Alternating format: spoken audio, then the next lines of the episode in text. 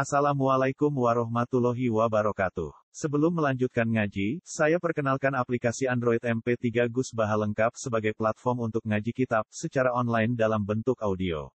Aplikasi ini berisi berbagai kajian kitab kuning dari Kiai Haji Ahmad Bahaudin Nur Salim.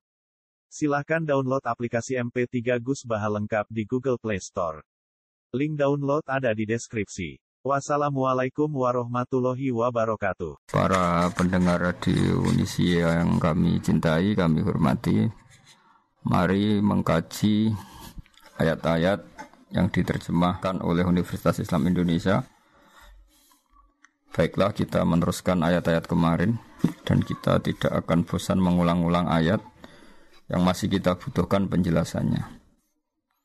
Kita mulai sekarang dari ayat atau kajian ayat 23 surat Al-Baqarah.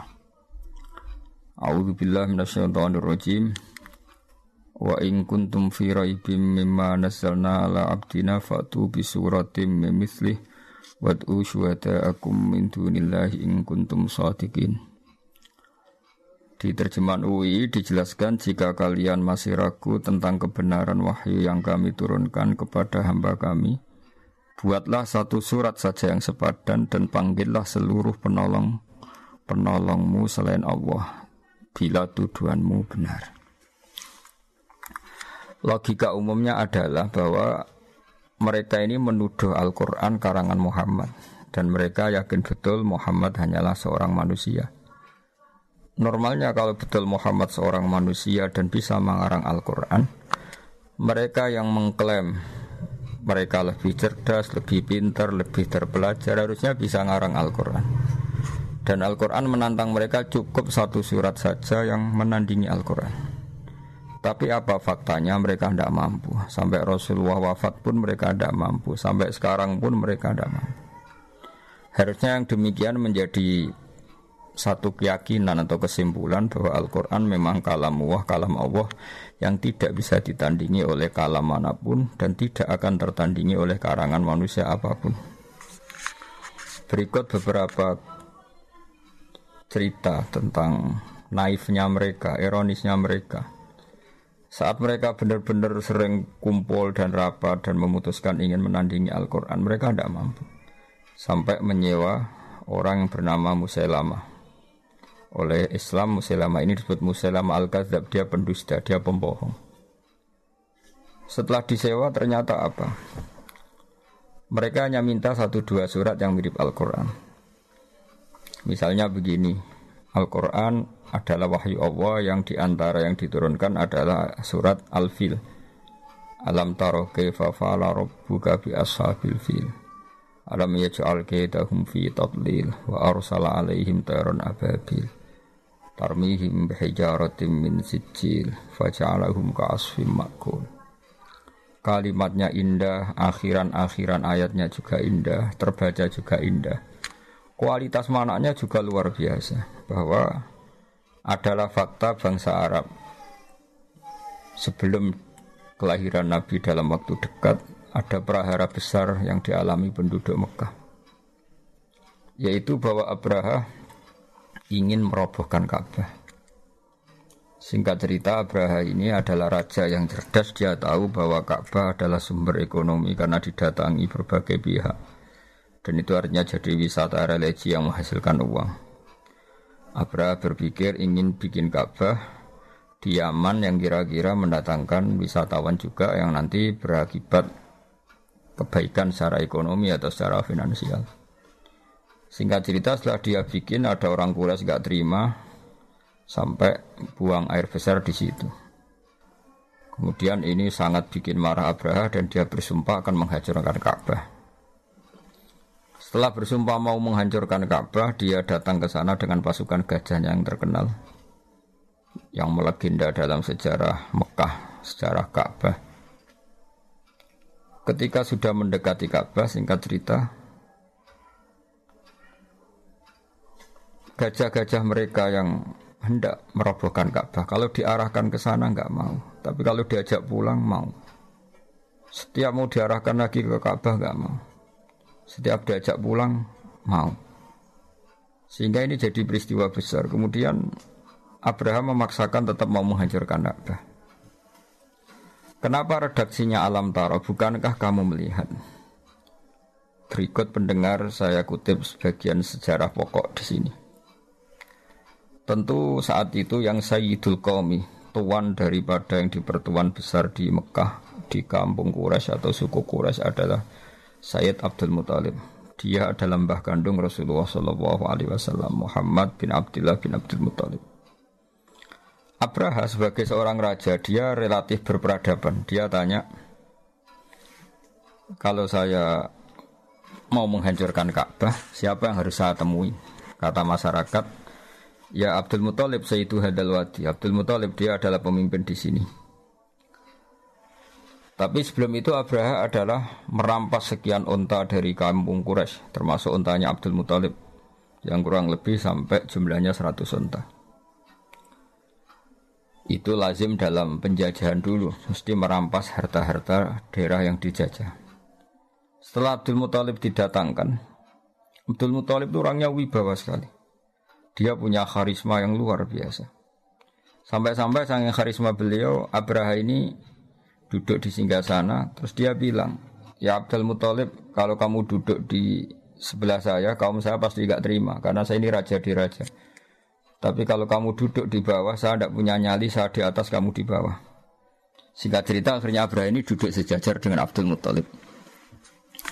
Setelah duduk bersama, kata Abraha, saya ingin merobohkan Ka'bah, tapi saya tidak ingin perang. Sebab itu ungsikan kaum kamu, ungsikan kaum kamu, bangsa kamu.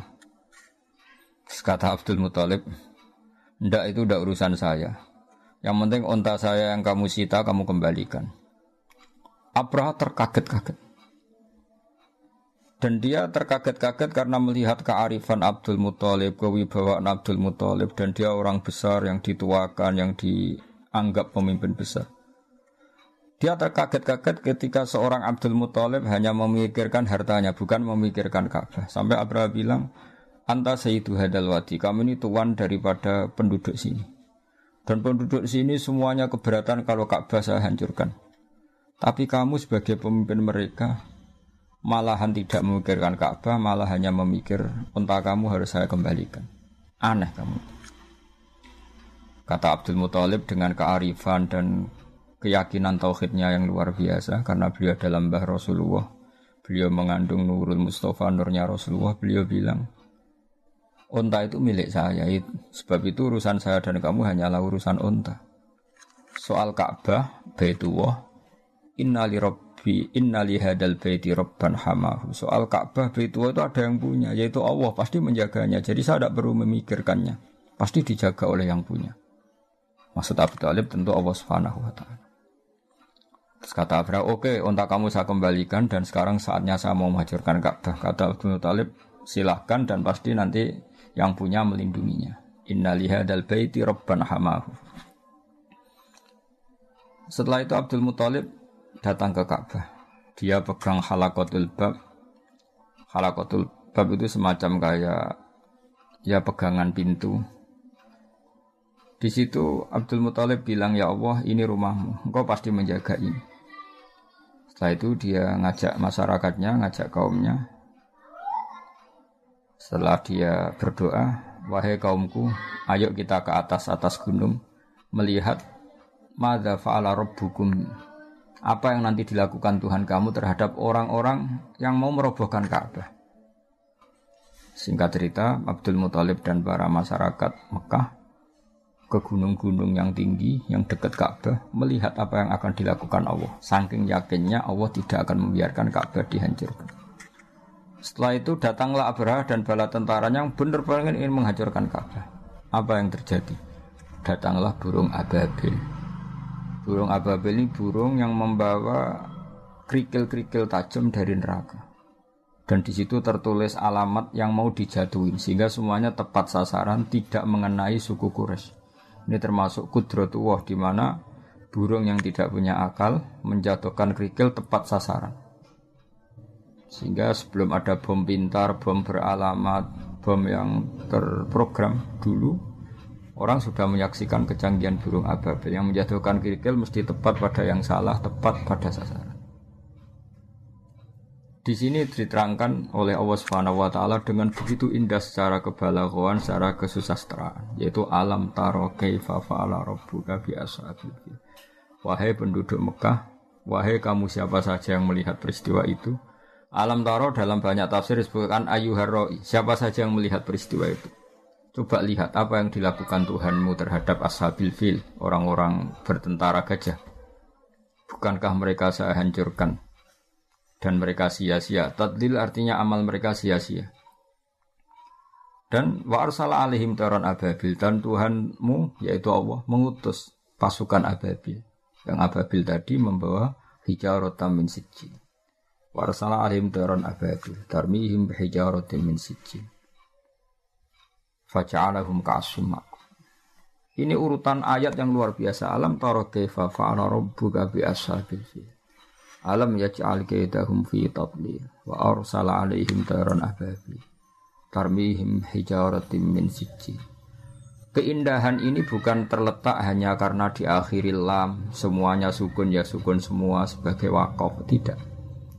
Tapi kualitas kesejarahan yang begitu dijelaskan detail dan faktual, yaitu nyata-nyata ada yang melihat, bersaksi melihat alam taro dan mereka benar-benar taro melihat Benar-benar ada pasukan gajah disebut ashabil fil. Benar-benar ada burung yang bernama ababil. Benar-benar ada batu kecil yang benar-benar min sijil. Semuanya diredaksikan begitu indah dan faktual memang itu nyata. Sehingga orang-orang Quraisy ketika dengar ayat itu nggak berkutik betapa Quran itu indah dan nggak mungkin tertandingi. Kesejarahnya kena, bahasanya kena, keindahan pendengarannya kena. Karena mereka tidak mampu dan ditantang oleh Allah silahkan tandingi yang seperti ini. Disewalah Musailamah al-Kadab untuk menandingi yang semacam surat ini. Apa yang terjadi? Musailamah datang. Dia ngomong sekenanya saja. Sampai si penyewanya itu kecewa semua. Dia malah cerita Alfilu malfil wa ma adroka malfil lahu khurtumun tawil wa dhailuhu qasir dia menandingi surat ini dengan kata-kata yang sama sekali nggak ada maknanya dan tidak punya kualitas apa.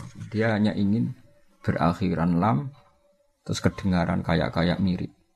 Tapi sama sekali tidak menunjuk makna yang luar biasa. Bahkan terkesan hadayan, hadayan itu kayak omongan orang yang setengah gila, setengah tidak waras.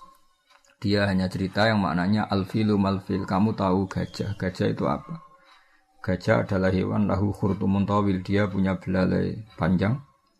Wadailuhu kosir tapi dia ekornya pendek dan sebagainya. Dia hanya ingin berakhiran dengan lam dan menjelaskan sesuatu yang nggak penting sama sekali. Sehingga sampai para penyawa bilang kami itu gila, kami itu pendusta. Sehingga disebut Musailama al-Kadzab. Ini pelajaran bagi kita bahwa Al-Quran adalah kalamullah dan siap diadu secara ilmiah. Saking siapnya sampai Quran bilang faktu. Kalau kamu nggak percaya dengan Quran ini adalah wahyu dari Allah, faktu. Maka datangkanlah bisuratin mimisli. Kamu nggak apa-apa ngarang Quran asal kualitasnya sama, kebahasaannya sama, faktual sejarahnya sama, rohnya sama. Tentu mereka tidak akan mampu. Ketika nyata-nyata mereka tidak mampu, Allah sangat baik masih memanggil mereka fa'ilam taf'alu walan taf'alu fattakun nar. Jika kamu tidak bisa melakukan itu dan memang tidak akan mampu walan taf'alu fattakun nar. Kamu sebagai manusia harus takutlah masuk neraka. Yang neraka itu sangking panasnya waku Tuhan naswal hijarah. Yang menjadi alat atau materi bahan bakarnya adalah manusia dan batu. Di sini kata ulama dikatakan batu-batu besar yang normalnya tidak nyala menjadi nyala. Itu bukti saking panasnya neraka. Sampai batu yang dimasukkan pun akan menjadi nyala. Kalau neraka tidak panas-panas amat, tentu batu-batu besar itu tidak akan menjadi api. Tapi saking panasnya keadaan neraka sampai batu-batu besar pun setelah dimasukkan menjadi bahan bakar, menjadi nyala dan menjadi bahan bakar. Oh, itu kafirin Tentu neraka itu dipersiapkan bagi mereka yang mengingkari kebenaran, mengingkari Allah dan Rasul dan kebenaran Quran. Dan sudah menjadi tradisi Allah Subhanahu wa taala setelah menerangkan orang-orang kafir kemudian ayat diteruskan dengan menerangkan orang-orang mukmin.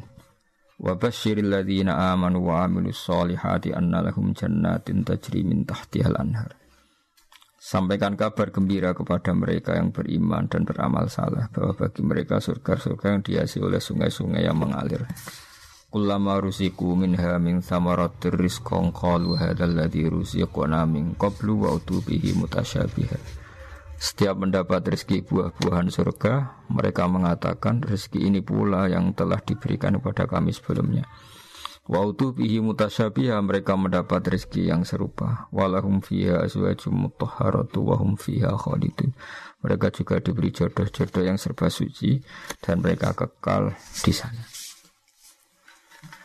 Orang-orang iman di Al-Quran seringnya dibarengi dengan wa amilu solihat, iman dan perilakunya soleh.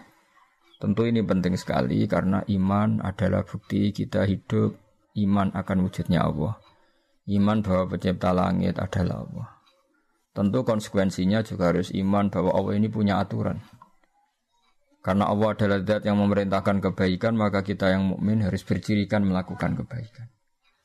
Allah sebagai pengatur alam tentu melarang segala jenis kerusakan dan kezaliman. Kita pun ingin menghindari sejauh mungkin kerusakan dan kezaliman. Sebab itu kita tidak boleh mendewa-dewakan iman saja karena di Al-Quran seringnya kata iman dibarengi dengan kata wa amilu salihat dan berperilaku yang baik-baik. Para pendengar yang kami hormati, berperilaku baik-baik ini yang akhirnya bisa menjaga alam, menjaga alam raya. Betapa rusaknya alam ini kalau kita atau manusianya berbuat dolim. Betapa kaconya sistem sosial, kaconya tata surya, kasonya apa saja. Bumi bisa dihancurkan lewat bom atom manusia bisa dihancurkan oleh narkoba. Konflik tidak disulut karena banyak orang yang berselingkuh, banyak orang yang mengambil haknya orang lain, istrinya orang lain sekenanya. Betapa rusaknya ini. Sehingga saking kaconya kezaliman Allah berfirman tuharal fasadu fil barri wal fahri bima kasabat edinas. Kalau ada kerusakan di mana saja baik lautan maupun di daratan semua pasti karena ulah manusia. Sebab itu kita-kita yang mukmin harus berperilaku yang soleh. Soleh itu dari makna sesuatu yang pantas, yang layak. Baik layak secara agama, layak secara etika publik, maupun layak dengan alam. Artinya kita berperilaku sesuatu yang alam itu tidak menolak perilaku kita. Misalnya kita tidak bikin pencemaran, tidak bikin kerusakan di bumi dengan bom atom, dengan zat-zat kimia yang merusak alam dan sebagainya dan sebagainya. Sebab dalam bahasa Arab solihun masoluhalise sesuatu yang layak disebut soleh. Sehingga kita sebagai mukmin harus melakukan suatu amalan solihan. Baik yang hubungannya dengan Allah disebut ibadah makhdoh kayak kita sholat, kita sujud, kita puasa. Maupun yang berhubungan dengan sama-sama manusia, sama-sama makhluk. Kita baik sama orang tua, keluarga, teman, anak. Dan tentu juga harus baik dengan alam kita tidak merusak alam ini dengan bom atom, dengan kimia yang tidak pada tempatnya, tidak merusak dengan pencemaran.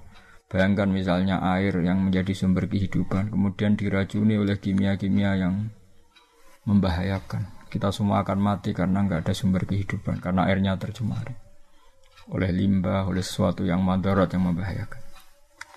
Sehingga kita sebagai mukmin selalu berdoa sama Allah supaya hidup kita adalah hidup yang baik, hidup yang soleh, dan hidup kita adalah cerminan dari iman kepada Allah Subhanahu wa taala yang di antara paketnya adalah orang mukmin adalah orang-orang sing amilus solihat.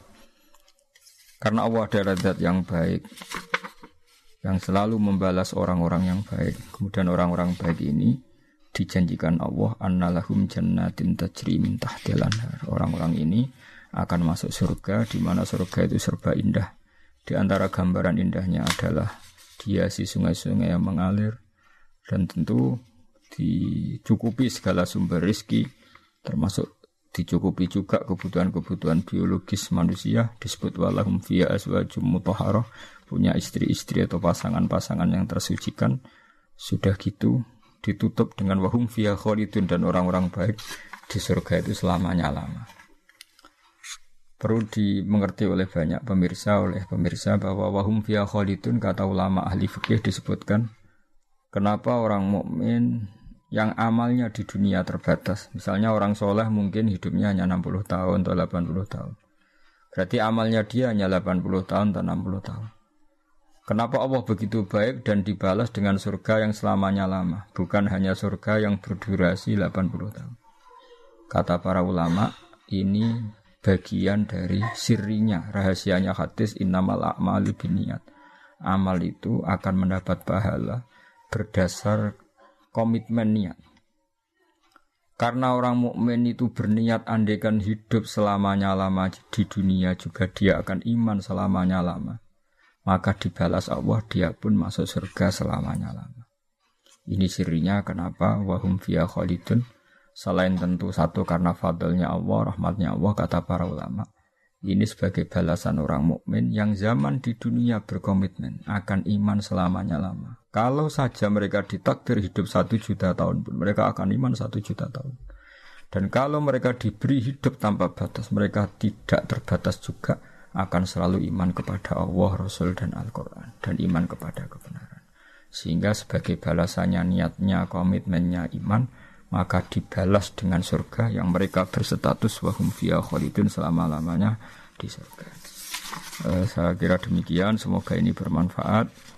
Uh, ini kita tutup dengan sotaqawahul azim. Insya Allah pertemuan berikutnya kita teruskan dalam kesempatan yang lain mulai ayat 26 surat Al-Baqarah. Assalamualaikum warahmatullahi wabarakatuh.